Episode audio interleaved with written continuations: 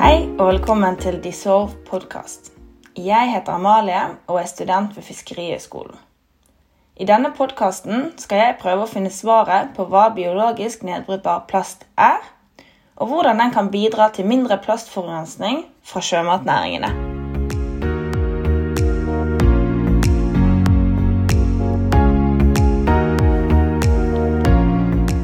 Det finnes mange kilder til plast i havet. Dessverre er tapte redskaper fra fiskeri og oppdrettsvirksomhet en del av disse.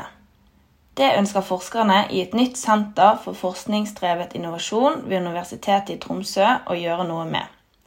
Forskningssenteret, som har fått navnet Dissolve, har som mål å erstatte tradisjonell plast i disse sektorene med nye biologisk nedbrytbare materialer. Visjonen er å redusere plastforsøpling og tilhørende problemer som spøkelsesfiske, mikro- og makroplast forårsaket av fiskeri og havbruk. En løsning på problemet med marin forsøpling kan altså være å erstatte den plasten vi bruker i dag, med biologisk nedbrytbar plast. Men hva er det egentlig? Jeg har spurt prosjektleder Roger Larsen i Dissolve. Ja, biologisk nedbrytbar plast. Det vi må huske på, er at det finnes flere typer plast. Vi har de, de som vi kjenner fra fiskeredskap i dag. De er bygd på petrobaserte materialer, altså henta fra olje som, som, råstoff. Så har vi biobaserte materialer som er laga av biologiske materialer, som er én gruppe. Og så har vi bionedbrytbare materialer. og Det er petrobaserte materialer som er tilsatt en del andre stoffer for å starte en nedbrytningsprosess. Så det finnes altså flere ulike typer plast. Hvorfor trenger vi da biologisk nedbrytbar plast, og akkurat i sjømatnæringene? Ja, Grunnen til at vi leter etter disse nye materialene og prøver å utvikle dem, det har jo å gjøre med to ting. Det ene er at vi ser skadeeffekter nå av dagens plast. Ved at det produseres eh, mye strandsøppel bl.a. Det er søppel på havbunnen. Og det tar veldig lang tid før her kan forsvinne fra naturen. Og når det endelig brytes ned til mindre partikler, så vil det jo ende opp til slutt som mikroplast og det vi kaller nanoplast. Og det vil aldri forsvinne helt. De nye materialene som vi jobber med, skal være bionedbrytbare. Og målsettingen her er jo for det første å redusere skadeeffektene på naturen som plast kan gi. Og det andre store poenget for norsk fiskeri eller verdensfiskeri, det er også å få redusert det vi kaller for spøkelsesfiske eller utilsikta beskatning.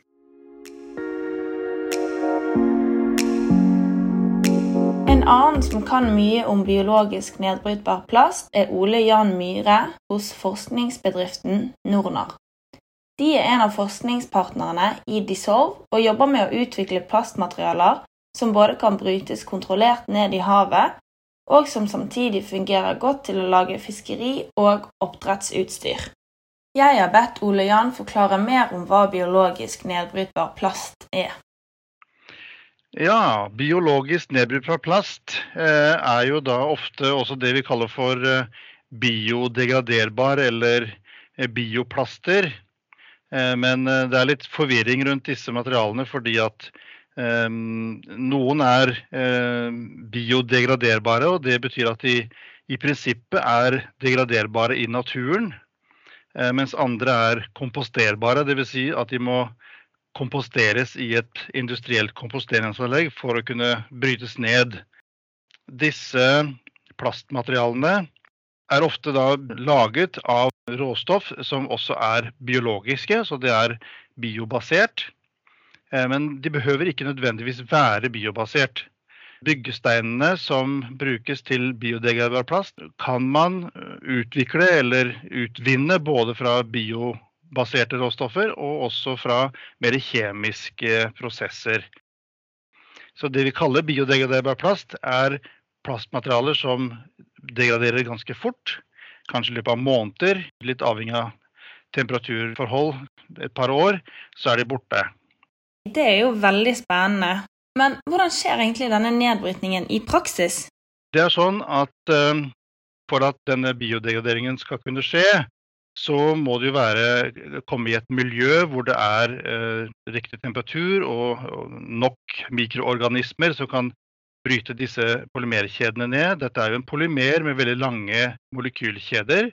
Og det skjer jo da ved at eh, mikroorganismene de, når de skal fordøye biologisk materiale, så skiller de ut enzymer, og disse enzymene hjelper til med å angripe det biologiske materialet, enten om det er cellulose eller om det er i disse, det tilfellet her biodegraderbar plast.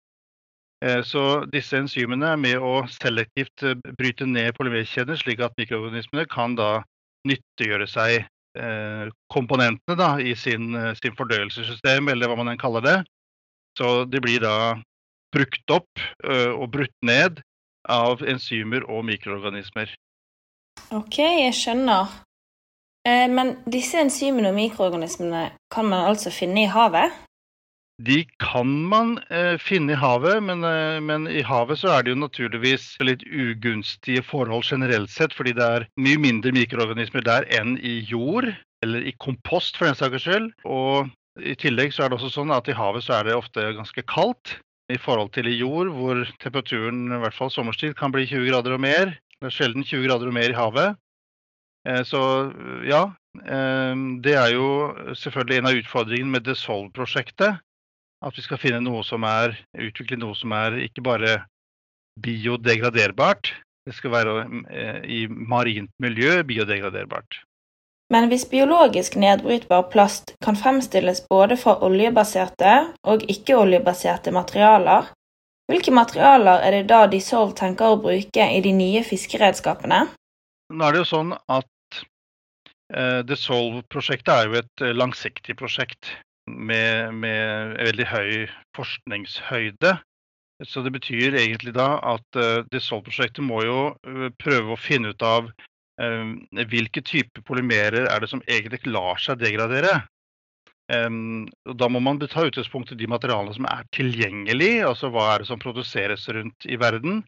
Um, og ut fra disse materialene finne ut hvilke av disse er det som mest sannsynlig lar seg degradere i sjøvannet. Det betyr at prosjektet i alle fall i en innledende fase vil måtte se på og teste ut både materialer som er eh, basert på eh, biobaserte plastmaterialer, men også eh, mer petrokjemisk baserte råstoffer. Slik at man kartlegger hvilke materialer og dermed hvilke måte, kjemiske strukturer er det som lar seg lettest degradere i, i, sjøvannet. Så vi kan ikke si nå om Desolve-prosjektet ender opp med eh, en fullstendig petrokjemisk fri plastmateriale eller ikke. Men hvis man ender opp med et produkt som er oljebasert, hvorfor vil det likevel være bedre for miljøet enn vanlig plast? Dersom prosjektet skulle utvikle en plastmateriale til fiskeredskap som er eh, degraderbar i sjøvann eh, innen en viss tid, så vil det føre til, uansett om den er petrokjemisk basert eller biologisk basert, at fiskeriutstyr ikke ligger og tyvfisker i 10, eh, 50 eller whatever antall år etter at det eh, redskapet eventuelt er mistet. Så på den måten så er uansett eh, det er en stor fordel for naturen og biologiske livet i havet at den er biodegraderbar, enten den er oljebasert eller om den er biologisk basert. Men da lurer jeg på om nedbrytningen av materialet vil ha noen negative effekter for miljøet? generelt sett, når man bryter bioplast, så vil jo sluttproduktene være CO2 og vann og metan og helt naturlige eh, forbindelser. Dette er organiske molekyler, enkle organiske molekyler som brytes ned på en enkel måte.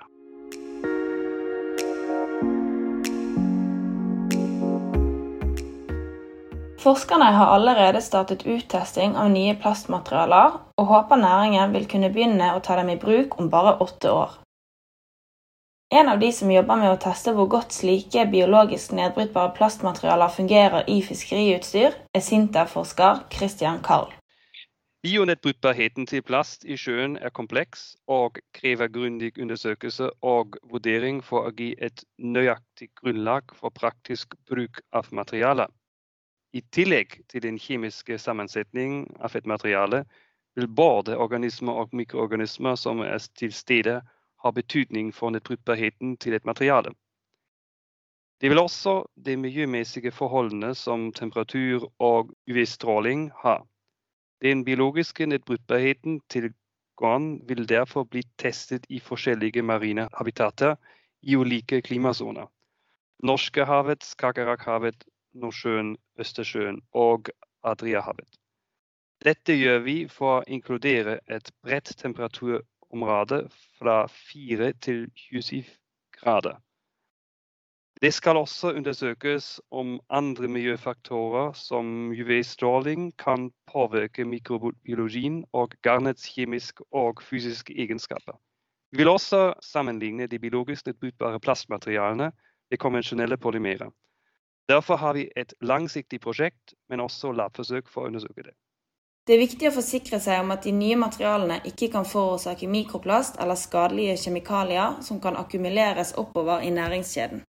Dersom de nye garnmaterialene er biologisk nedbrytbare, kan det ikke frigi mikroplast til miljøet, men eh, det kan hende at det slipper et uønsket kjemikalier. Dette er noe vi ønsker å sette søkelys på Disolf, for å sikre at vi ikke erstatter miljøproblem med et annet. Dette er disse to mulige konsekvensene av bruk av nye materialer som representerer fokus for Sintes bidrag til arbeid. Da er i alle fall jeg blitt klokere på hva biologisk nedbrytbar plast er. Har du lyst til å lære mer om dette temaet, og om hvordan det går med arbeidet med å utvikle nedbrytbare redskaper til fiskeri og oppdrett, kan du følge De Sov på nett, Facebook og på LinkedIn.